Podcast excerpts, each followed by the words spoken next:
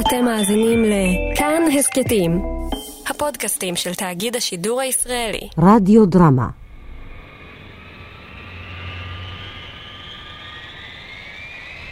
נעורי ורדלה, תסכית על פי המחזה מאת חנוך לוין. מוסיקה אלכס קגן. במאי יוסף כרמון.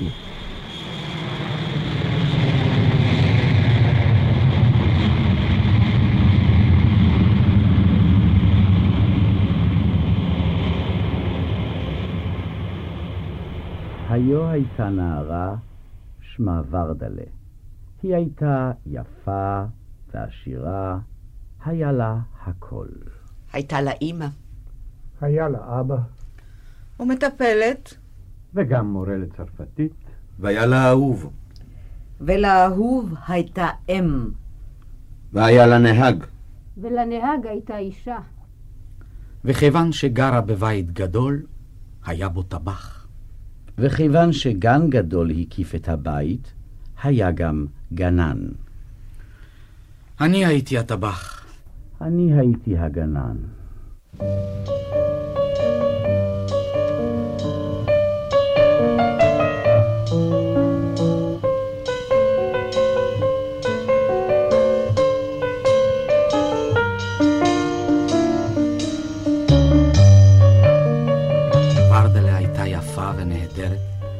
וכשחלפה על פנינו במטבח ובגן, הייתה מעוררת בנו געגועים חזקים והרגשת שפלות. וככה היינו יושבים לנו בחצר כל יום בין הערביים, ולא ידענו מה לעשות.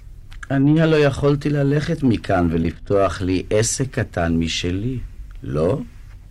לא, תמיד אני שואל אותך ותמיד אתה אומר לי לא. נמאסת. נמאסתם כולכם. למה אני צריך לעבוד בשבילם? למה ורדלה צעירה ויפה? למה אני כאן? למה הפרחים פורחים למעלה? פרחים, ארצה. גם הנהג הסתובב עם הרגשת שפלות. הוא היה נוהג להציק לוורדלה הצקות קטנטנות, כדי שיוכל לבקש ממנה סליחה ולחמם את נפשו הקפואה בסלחנות שלה. את סולחת לי? על מה? על מה שעשיתי לך עכשיו. תראי, מה בסך הכל עשיתי לך. תסלחי לי ונגמור עם זה. לא, לא עשית כלום. הכל בסדר. לא היית בכלל, ואתה אינך גם עכשיו. וכשהיא תסלח לי יום אחד, אני מיד אקפוץ ואכבוש את הפנים שלי בבטן החמה והעשירה שלה. אשתי, לאן נפל החזה שלך? לא מגיע לי משהו יותר בולט. זוהי קנוניה נגדי. בוז! יש נשים שמנפחות את הבשר שלהן בממתקים ומרימות את החזה בטניס. לי אין כל זה. הדרישות שלך לא הוגנות. חוסר מוחלט של חן. היא לא עונה על הדרישות שלי. ומה יוצא לי אם אני הוגן? את מכוערת. את ענייה. אני ענייה מפני שאני אשתך. אין לי טענות. אני סולד ממך מבלי להאשים אותך. אני שומעת אותך ככה ערב אחרי ערב ובולעת הכל, אבל יום אחד יהיה לזה סוף. אתה תבוא הביתה, תפתח את הדלת, תדליק את האור ותשאל, מה זה? לאן הלכה אשתי? עם מי היא מסתובבת? אולי צוחקת עכשיו? אולי טוב לה עם מישהו אחר במקום אחר? ואז תרגיש פתאום שהחזה הנפול הזה מאוד חסר לך בשביל להניח עליו את הראש, רק שיהיה כבר מאוחר מדי, והראש שלך יישאר באוויר.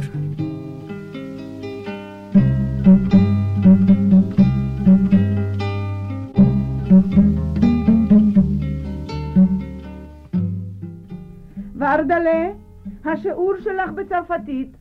Une tranche de gâteau et de la limonade. נכון מאוד. אבל לפרוסת עוגה ולימונדה. ועכשיו בלשון עבר גוף שלישי. Apportez-moi, s'il vous plaît, une tranche de gâteau et de la limonade. זה היה ציווי. ועכשיו בלשון עבר גוף שלישי. אתה לא שומע מה אומרים לך. אומרים לך להביא עוגה ולימונדה. למה אתה מחכה? שאני אביא? Oui, אבל אני מורה לצרפתית. ולכן היא אמרה לך את זה בצרפתית. אם אתה באמת רוצה שהיא תלמד צרפתית, אתה מוכרח לעשות את כל הדברים הצרפתיים שהיא אומרת לך. סליחה, אבל אני מלמד צרפתית בשביל הצרפתית, ולא בשביל להגיש עוגות. זו טעות שהרבה עושים אותה, ונמאס לי כבר לחזור על זה, אבל אני חוזרת כי זה אחד התפקידים שלי בתור המטפלת של ורדלה. הטעות שלך היא שאתה חושב שמישהו לומד צרפתית בשביל הצרפתית. קח לדוגמה את הצרפתים. האם הם מדברים צרפתית רק כדי להראות שהם מדברים צרפתית? לידיעתך, השפה הצרפתית שימושית מאוד, והצרפתים מנצלים אותה לשם כך. מוציאים אפילו להורג בצרפתית. עד כמה שזה נראה מוזר. וכשאומרים לך להביא גתו ולימונדה, מתכוונים שתביא עוגה ולימונדה. פשוט מאוד. מיד.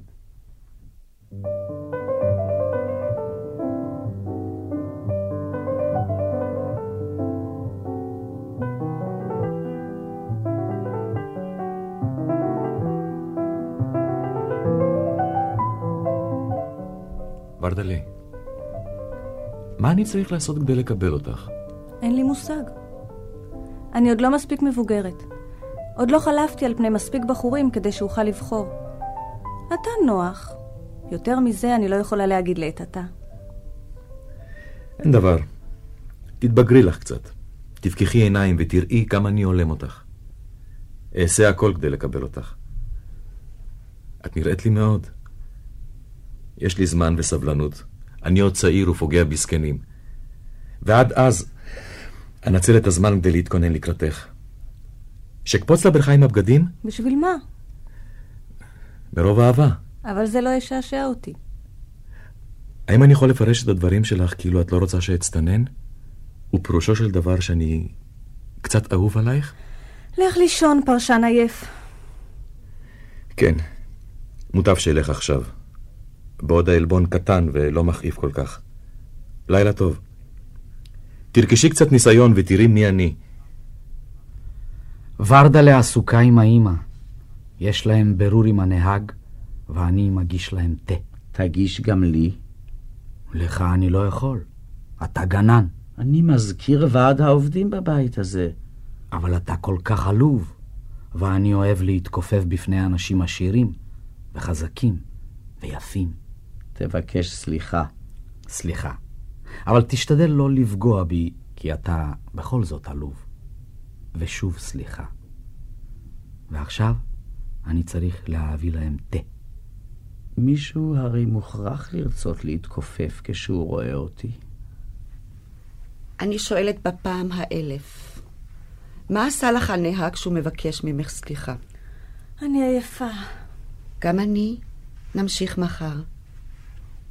ואל תעלה על דעתך נהג שאני ארפה אי פעם מהעניין. אפילו אם לא אזכיר אותו במשך עשר שנים, אשוב אליו לפתע פעם בזריזות וברעננות, כמו ציידת עליזה. בקיצור, יהיה נחמד. סליחה, ראיתי אור ונכנסתי. אשתי, מה קורה? שתפו אותי גם כן. לילה טוב, נהג. לילה טוב. מה הוא רצה? מה הוא רצה? ראיתי אור ונכנסתי, זה הכל. לילה טוב. לילה טוב. ידיים, ידיים קטנות ועדינות שלי. ההבדל בין איך שאתן נראות לבין מה שאתן עושות מעורר בי עד היום עונג חריף כל כך.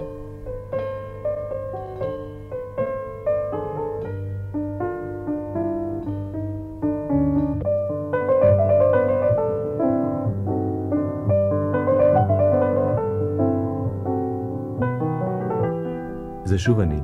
שמעתי שנשים מעריכות מאוד עקשנות של גבר, ולכן אני נאלץ להיות עקשן. למרות שאני בכלל לא כזה. אל תכעסי עליי בבקשה. ורדלה, מה את חושבת? עליך או בכלל? עליי, הכלליות לא מעסיקה אותי. לך לישון. תודה. אני יכול לפרש את זה כאילו את דואגת לי קצת שאנוח? לא? אה? שאמות? טוב, שאמות. אני לא מדבר יותר. אני כבר לא פה. אני מת. לילה טוב. יש לי עוד הרבה מה להגיד לך, אבל אני אגיד מחר. אז מחר. ורדלה, מה קרה עם הנהג? אנסח את השאלה בצורה אחרת. האם את ואימך יודעות משהו שאני לא יודע? את לא עונה לי. לילה טוב. סליחה, אני אשת הנהג שלכם ורציתי לדבר איתך. למה לא? אני נכנסת עכשיו לאמבטיה להתרחץ, ואת תוכלי לדבר מכאן ולהגיד לי מה שאת רוצה. ואם תשמעי רק חלק מהדברים שלי, איך אדע מה שמעת ומה לא? אומר לך משהו עקרוני. המציאות מתנהלת. תני לה להתנהל. תתחילי לדבר. אני מדברת אם כי לא קל לי לצעוק את זה. עזבתי את בעלי, שהוא בעצם אדם זר לחלוטין, אחרי שנים של מסירות והכנעה. החלטתי להתרכז בעצמי. יש לי עוד תיאבון לחיים. יש עוד קצת כוח. והשוק העולמי די מושך אותי לנסות את מה שהחמצתי.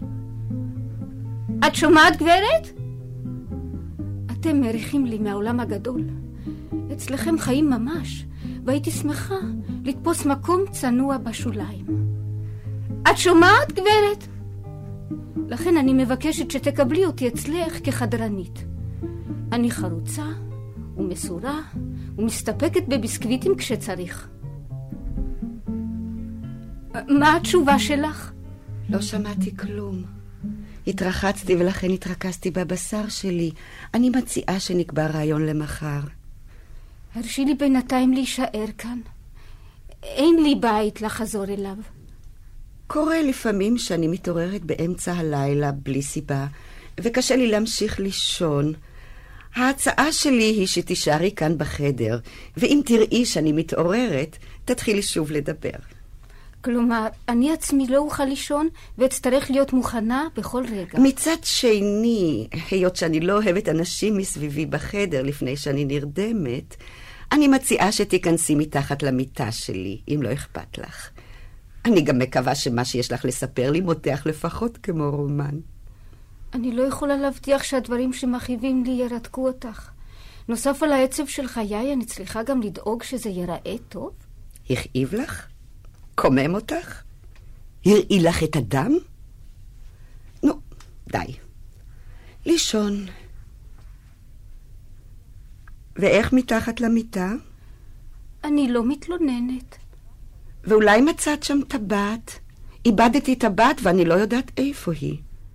אחפש במשך הלילה. בלי להקפיץ את המיטה. לילה טוב. לילה טוב.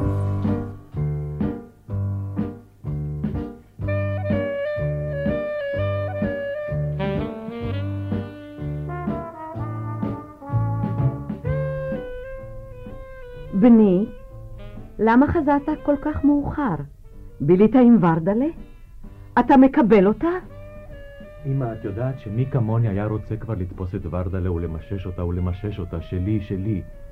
אבל אני עוד לא בדרגה שאני יכול לתפוס. איך אפשר למרוד ככה את העצבים של בני?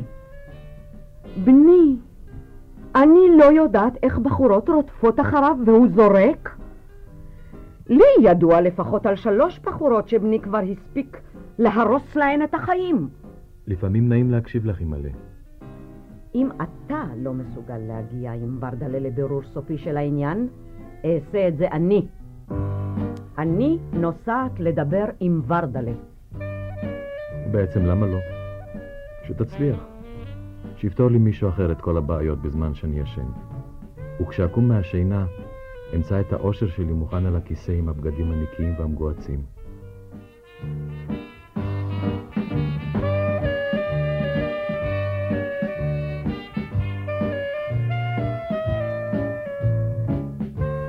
שלום לך, בת דודה יקרה. מה שלומך? שלומי טוב, תודה. באתי אלייך בעניין דחוף, ואני שמחה שמצאתי אותך ביחידות. אישה, רוצים אותי ביחידות. צאי מתחת למיטה ורוצי קצת לטייל. אחזור בעוד רבע שעה. כן. ועכשיו ספרי לי במה העניין בצורה מותחת ומשעשעת. את יודעת שבני מאוד עצבני בגלל ורדלה. הוא נהרס מהמתח. הוא לא רגיל לאכזבות.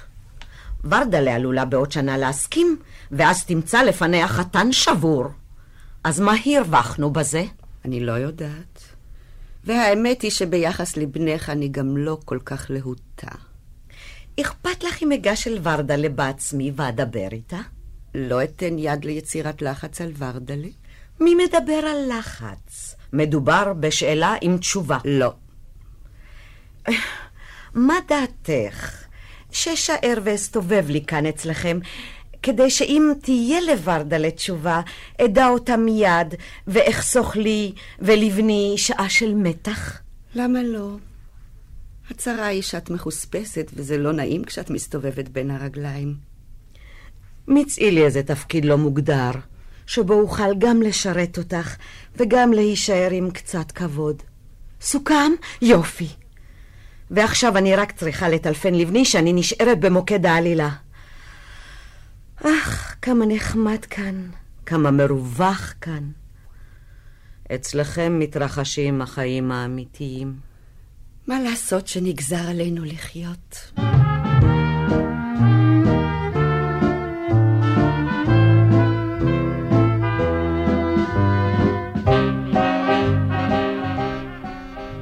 אני המורה לצרפתית.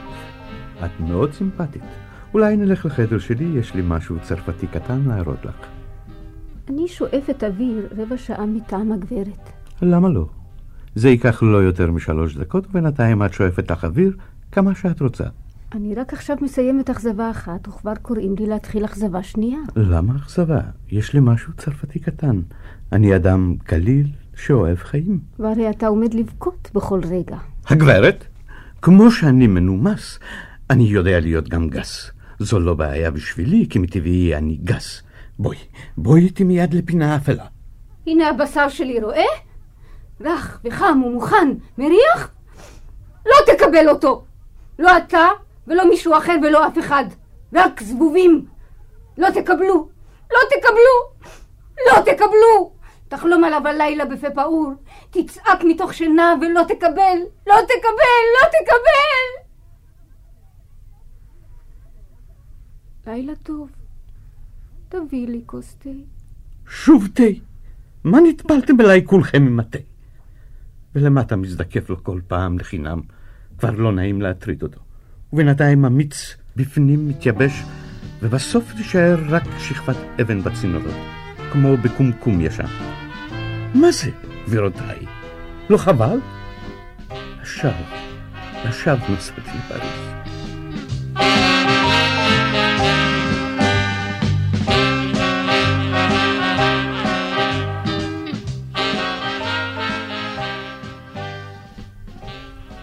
יכולה כבר להיכנס?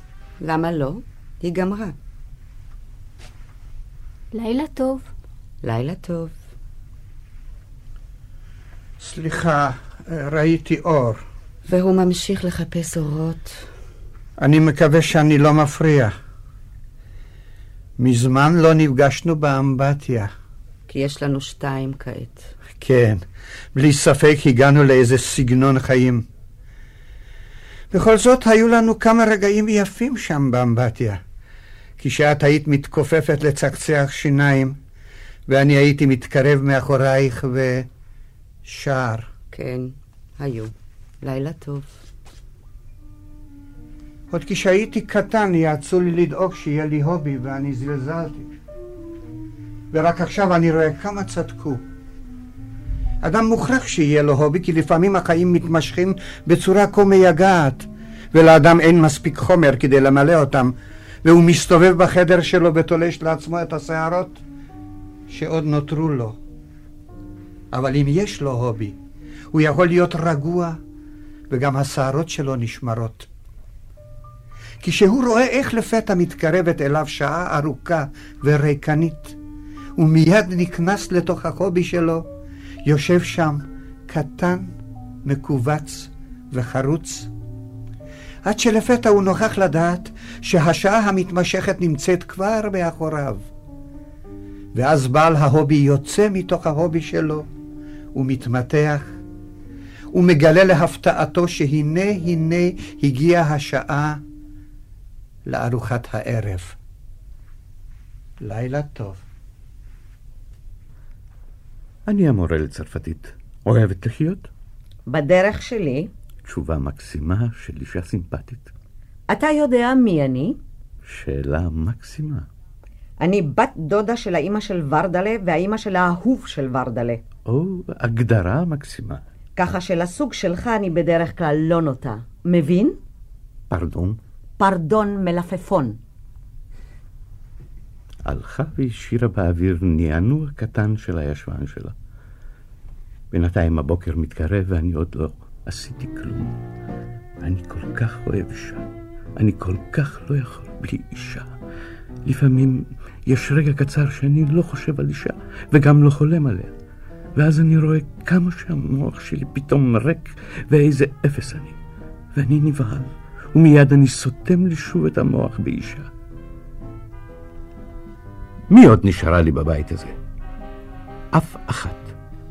ארוץ אם כן לדפדף במגזינים עם תמונות לפני שיעלה השחר.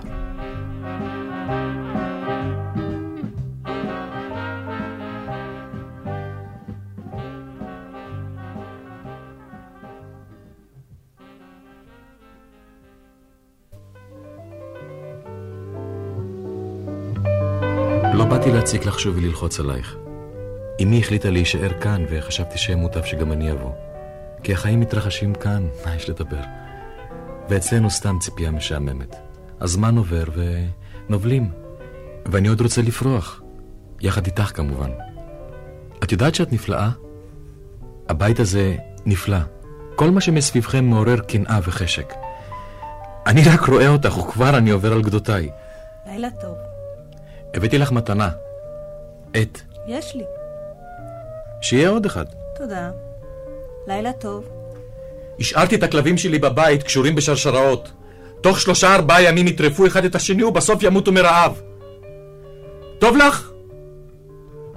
אני לא כועס. לילה טוב.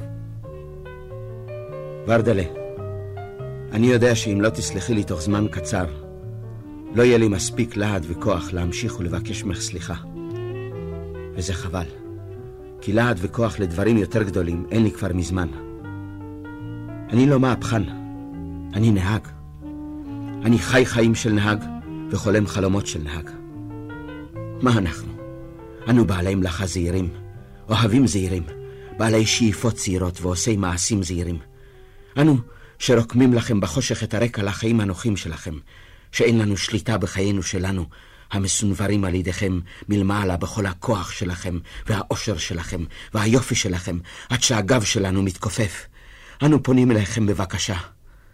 אנשים עשירים, אנשים יפים, אם אנחנו לא זוכים לכלום, לפחות תייצגו אותנו אתם על פסגת האושר שלכם, כדי שנדע שאי שם למעלה, במקום שנעים וחם ומשביע, יש גם לנו חלק.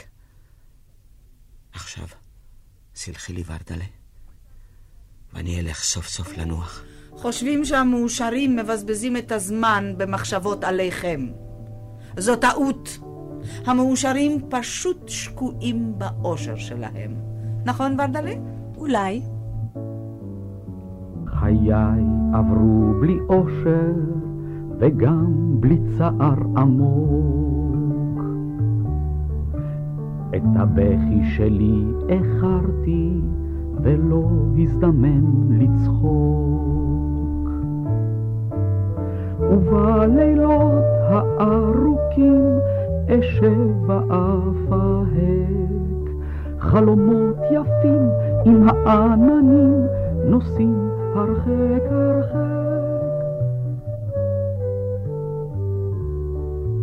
נוסעים הרחק.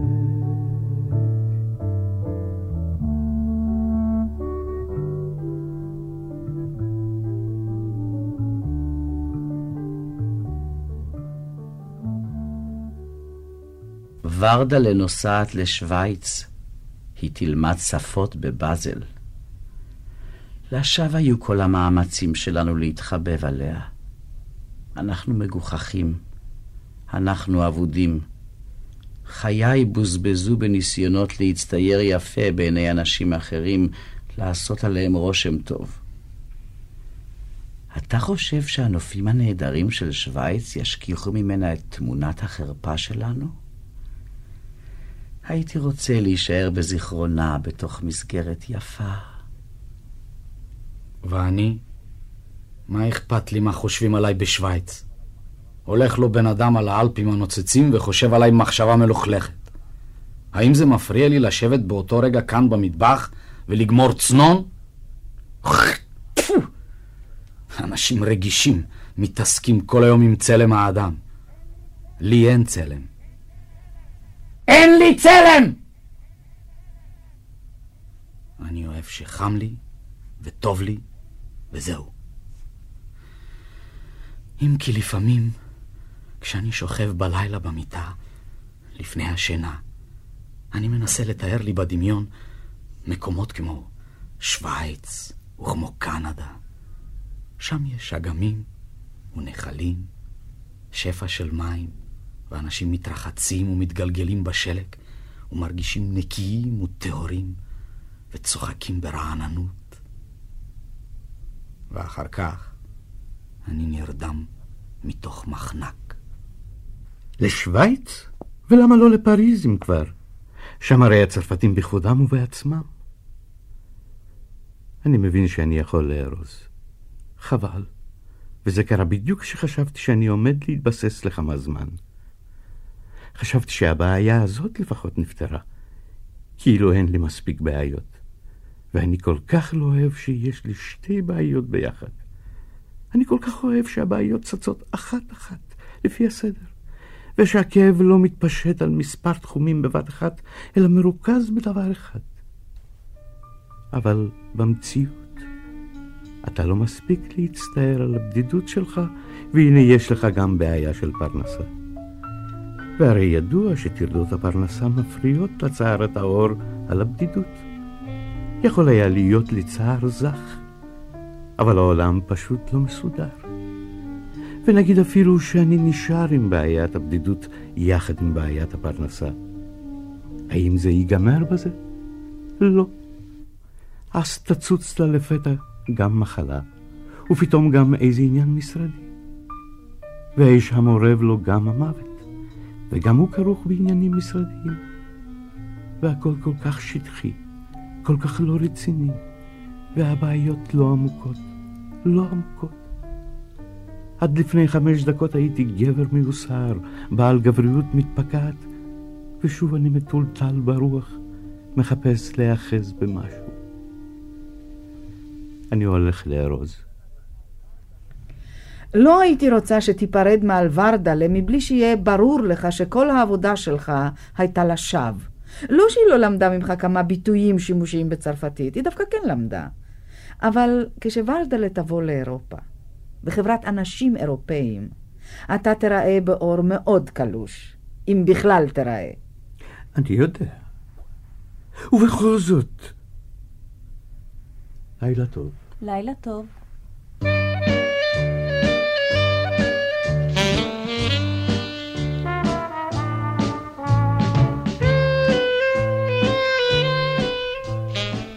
אתם הורגים את בני. אתם הורסים לי את השושלת. העולם מלא בחורות.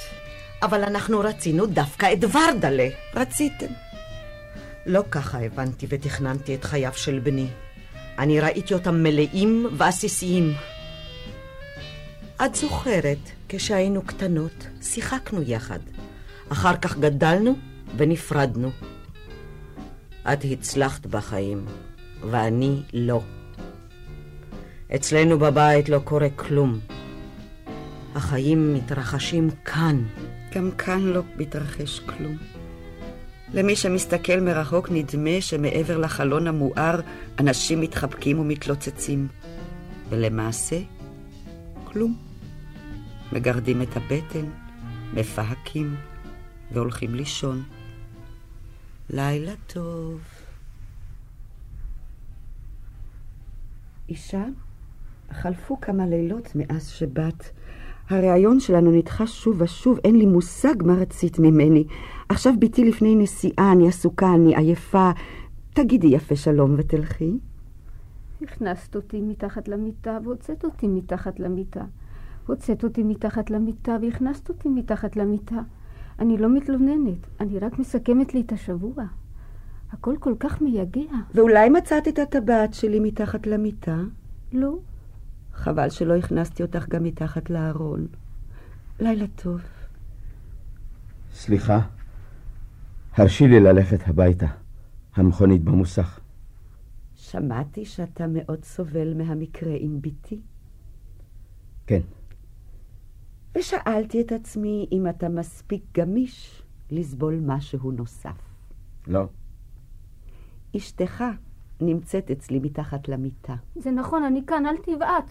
הוא לא יכה אותך בלי הסכמתי. מה את עושה שם? לא להסס לענות לו. מצאתי כאן מתחת למיטה, עם נעלי הבית של הגברת, יותר חמימות מאשר בכל חיי המשותפים איתך, ואני לחמימות נמשכת. מה יש? ואותך שכחתי, זה ברור. הכאיב לך? קומם אותך? תיגש להתייפח. אשתי, חזרי הביתה, אני בעלך. אני בעלך. והמיטה רועדת. שמעינה, את צוחקת או בוכה? צוחקת! אבל אני בעלה. את זה כבר אמרת. ואני אוהב אותה. והמיטה רועדת מרוב צחוק? אתה רואה כמה אתה גמיש? כמובן שעכשיו כשוורדלה נוסעת גם לא מעניין אותי כבר מה שקרה ביניכם. מה כבר בעצם יכול היה לקרות? שטויות. מתעסקים במשהו מתוך שעמום, כמו חתול שבע. לא רק עליכם אנחנו נמאסים עם הבעיות שלנו, אלא לאחר שאנחנו עומדים מולכם ומבקשים שוב ושוב, אנחנו נמאסים גם על עצמנו. הטרוניות שלנו, המהדהדות בלי הרף בחלל ריק, נשמעות לנו לפתע כל כך חלולות ותפלות, וכבר אנחנו מתביישים בעצמנו, בזים לעצמנו. פתאום היינו מוכנים כבר לוותר על הכל, ללכת, להיעלם, להיבלע באדמה, ובלבד שתשכחו מה שאמרנו. האמת היא שאין לכם מה לשכוח, כי מעולם לא הקשבתם. אנחנו שקועים כל כך עמוק בבושה שלנו, ומין תאווה נבזית דוחפת אותנו להמשיך, מתוך ידיעה ברורה שאנחנו מפריעים לכם, ומפריעים לעולם, ושלא הולם אותנו בכלל לחיות, ושאנחנו אשמים ומזוהמים, ולא במקום ולא בזמן.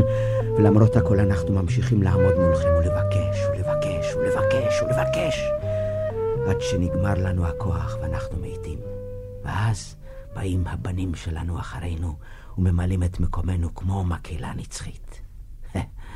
איך זה לראות אותנו עומדים מולכם דורות על דורות, היסטוריה שלמה, בברכיים כפופות, מכרסמים את עצמנו לעיניכם, דורשים דרישות בקול ניחר ולא משיגים כלום?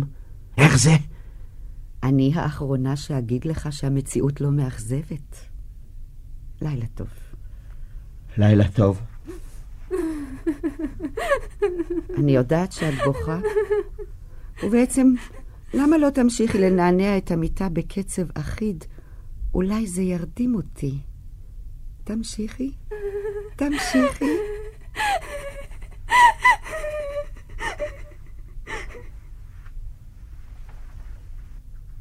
סליחה. ראית קצת אור ונכנסת? ורדלה נוסעת בבוקר. אני נשאר. קוקי. קוקי. אל תתקרב. אני לא מתקרב. אל תחכה לי. אני לא מחכה. אל תאמין בי. אני גם לא מאמין. וגם אל תסתכל עליי. אל תדבר אליי.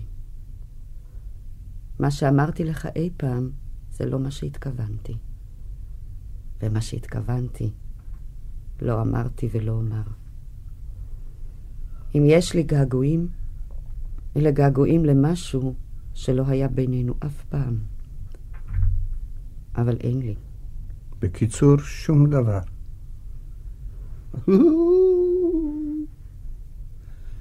הייתי נכנס מתחת למיטה שלה ולא יוצא יותר. לעולם, לעולם לא קם יותר. הייתי מראה לה.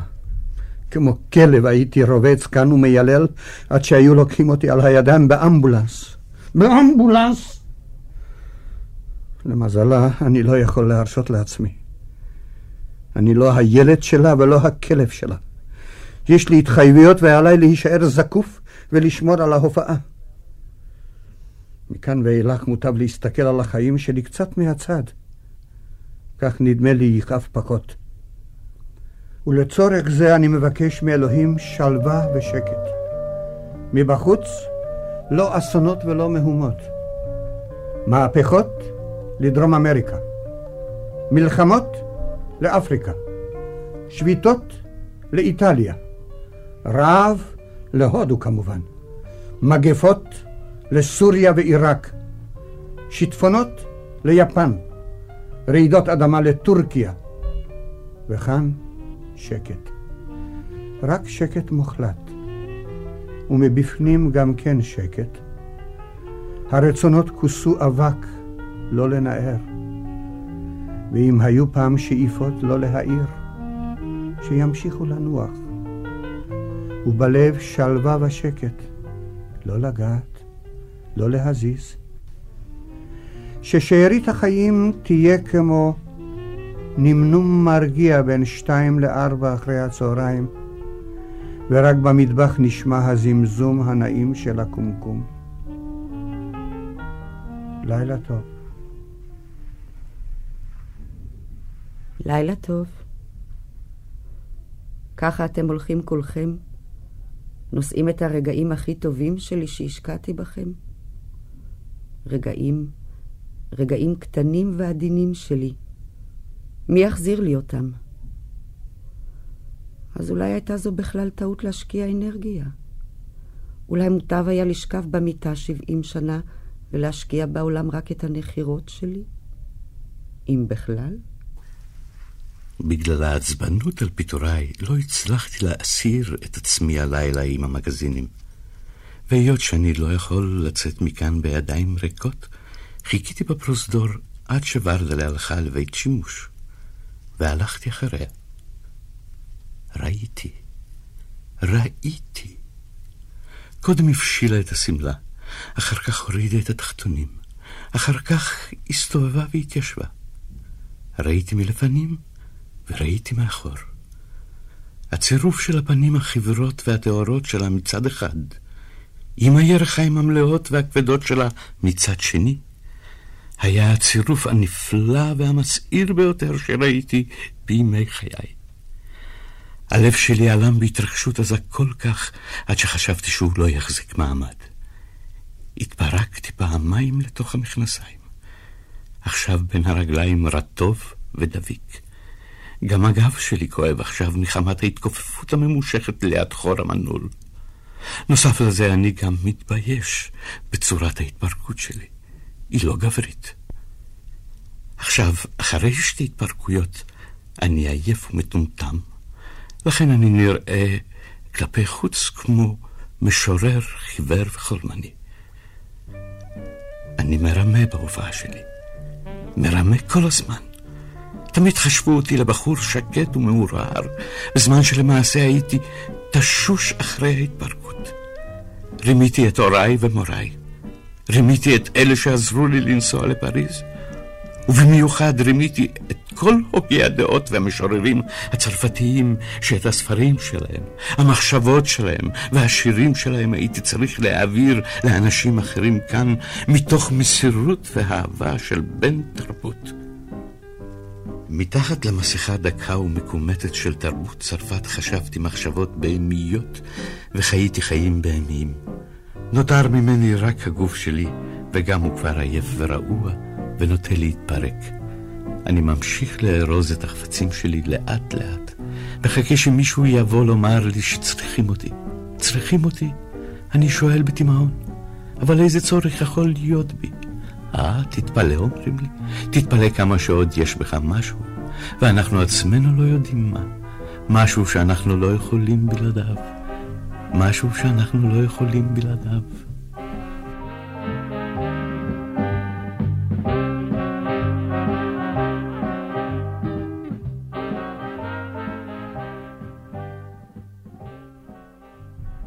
ורדלה, את נוסעת ללמוד. בעיקר לחיות. את תחי שם בלעדיי. תקומי בבוקר ואני לא אהיה לידך. לו רק יכולתי להעביר לך משהו מן המועקה שרובצת לי בחזה, אולי היית מתרשמת ושמה לב אליי. המועקה שלך היא המועקה שלך. אני בכל זאת אחכה לך. אכתוב לך מכתבים. לא יהיו תשובות. אבל תהיה מצידי ציפייה ארוכה ומעליבה, ועצב מחליק בלילות. אני אכתוב. מתי תחזרי? אני כבר רואה בדמיון איך את יורדת מהמטוס, אישה בשלה, ואני גבר רקוב מחכה למטה.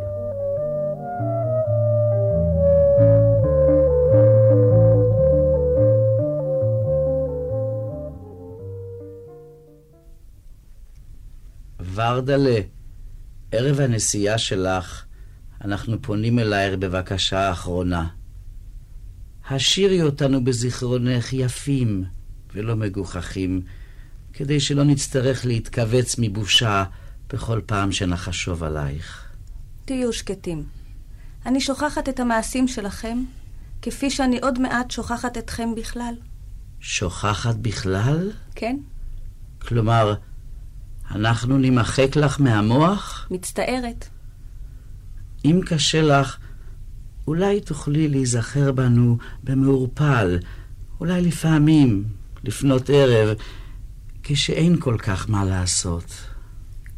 לי לא משנה. אני מעריץ אותך. לגנן יש יומרות, לי אין. אם תרצי אותי מבוזה, אני יודע להתבזות.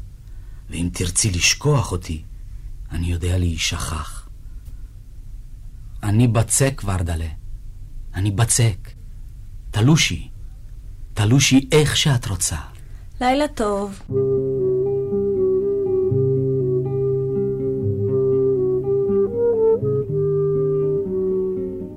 את יפה. אין לי ספק שנולדת כדי להכאיב לי.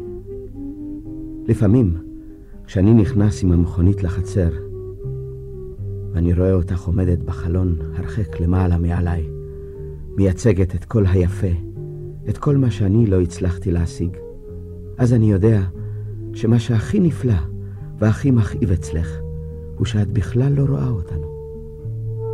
אל תסלחי לי. אל תעני לי. אל תראי אותי ואל תבחיני בי. המשיכי לנצח כמו שאת.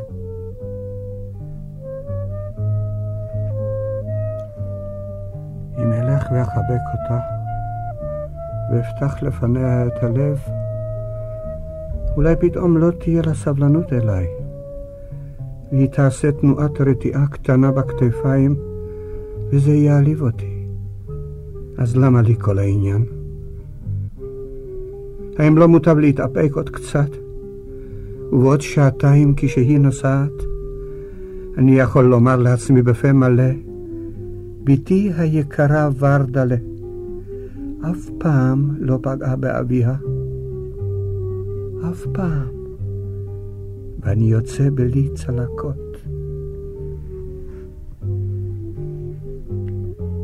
השיער שלך נהדר. אירופה, ורדלה, אירופה. את יודעת שאני אבודה בלעדייך. מה אעשה עם עצמי לבד אחרי כל השנים איתך?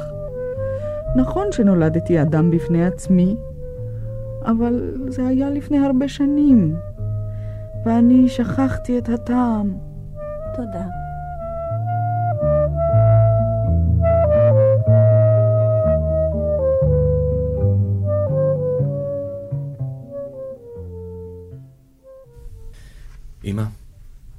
נכשלתי. חפש לך משהו אחר. חינכת אותי להאמין שאני ראוי לטוב ביותר. כל כך צעיר וכבר יבש. עזרי לי, אמא. ומתי אתה תדאג לי? לא הצלחתי עם בני. מה את רוצה ממני, אמא? לאן את דוחפת אותי? דוחפת ודוחפת ודוחפת מול כולם. אמי האהובה, לו היית מתה עליי בילדותי, הייתי ממשיך לשאת אותך בליבי כמו זיכרון יפה, עדין, מקור געגועים חמים לכל ימי חיי. הייתי מחפש את דמותך בכל אישה אחרת, ויחד עם זה הייתי חופשי. חופשי מאמי האמיתית והמייגעת, המלווה אותי עד עצם היום הזה, מזגינה ומאפירה לנגד עיניי, מאבדת את בשרה הוורוד. מתי תלמדי למות? לפנות את הדרך שנעשתה צרה עבור שנינו. מתי תתני לי את האשליה שאני אדון לעצמי ומנהיג את חיי לפי רצוני? את מביאה לי מפח נפש עם כל נשימה שלך. כל עוד את חיה, אני אבוד. מותי זקנה. מותי. בני עומד נדהם מול המשך חייה של אמו. אני חיה. תנו לי חצוצרה! אני חיה! מה רצית? חופש? ממני? אין אישה שתענה עוד במדויק כמוני על החלומות שלך. ומי עוד זולתי מוכן לשוחח עליך בצורה כה עיוורת, לקבל אותך עם כל פגמיך המסלידים, לעצום עין לחולשתך הדוחה? מה עוד נשאר לך לחפש בעולם שמחוץ לזרועות אמך? בני היקר, חזור אליי. אמי לא מעסיקה אותי כרגע. אני אתרכז בה כשתמות. ולעת עתה אני רואה את התמונה הבאה. אני עומד בחורשה ליד עץ קטן. ורדלה רוכבת על אופניים בשביל בין העצים בשמלת ספורט קיצית קצרה ומתנפנפת. אני מתקרב במרוצה אל שולי השביל ומביט אחריה. קולט תחילה בצמאון את מראה הירחיים שלה המתנועעות על האופניים. אחר כך, כשהיא מתרחקת, אני מנסה לספוג את דמותה כנקודה אחת. כתם, כוכב בהיר, מושא של געגועים. ואני קורא אחריה. לקראת איזה אושר את נוסעת? לשחק טניס? לשתות מיץ פטל? לרקוד בין הערביים? אבל עם מי? עם מי? ואני אלעש את הכאב העצום שלי בבטן ובחזה, והופך אותו מצד לצד כמו לביבת כאב טעימה ושמנונית לקראת החורף.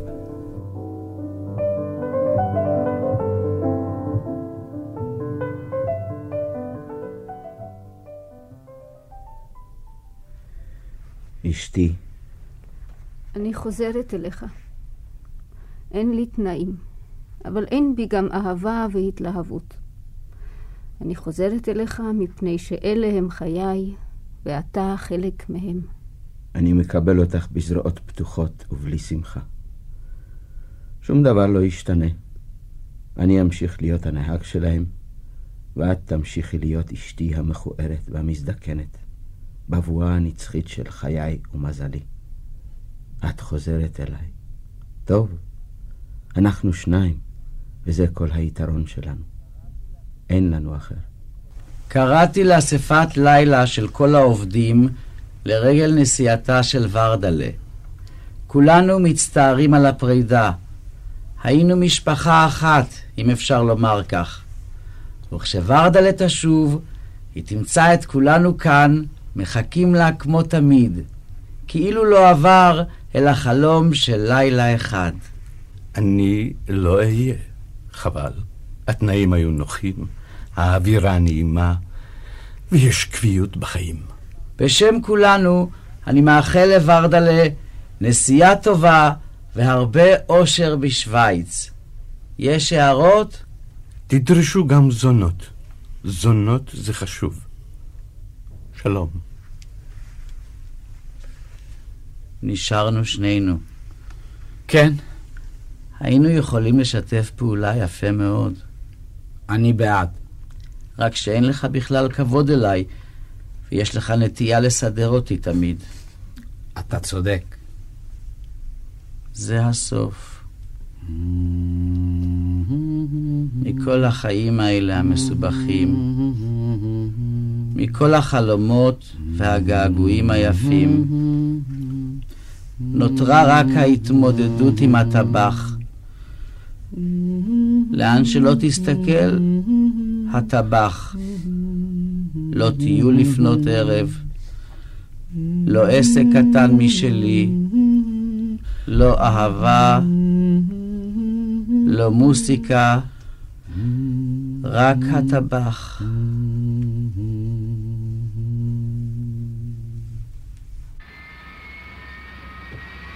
השכם בבוקר ליווינו כולנו את ורדלה לשדה התעופה. האם? האב? המטפלת? וגם המורה לצרפתית. האהוב. ואם האהוב? הנהג? ואשת הנהג? אני הייתי הטבח. אני הייתי הגנן. ורדלה הייתה נהדרת כרגיל. אני נפרדת. אף פעם לא הסברתי את עצמי. אין צורך. נדמה לי שהקיום שלי מדבר בעד עצמו. בסך הכל אני לא יודעת אם אני שירתתי את החלום שלכם, או אתם שירתתם את החלום שלי. בכל זאת, הרשו לי לראות בכם מבוא קצר לסיפור שלי, שעכשיו אני הולכת להתחיל אותו. שתפי אותי בסיפור שלך. אין מקום. ובזה אני לוקחת מהסיפור שלכם את העלילה, והדמיון, וההרפתקה, ואת העניין והיצר, ואת כוח החיים והרצון, ואת כל התמצית והעסיס. ומשאירה פה כמה דמויות חברות, נטולות חיים, עומדות באור החיוור של השחר, ומנפנפות אליי בידיים לברכת שלום וגעגועים. בזה תם סיפורנו המשותף. שלי רק מתחיל בשוויץ.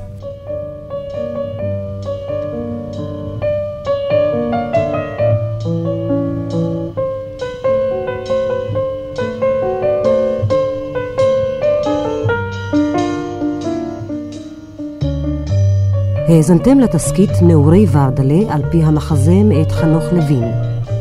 השתתפו בתפקיד ורדלה רונית פורת, האב יהודה פוקס, האם מרים גבריאלי, גנן יוסי גרבר, טבח אלברט כהן, מטפלת זהרירה חריפאי, מורה לצרפתית אבנר חזקיהו, נהג יוסף כרמון, אשת הנהג שולמית אדר, אהוב יצחק חזקיה, אם האהוב אסתר גרינברג.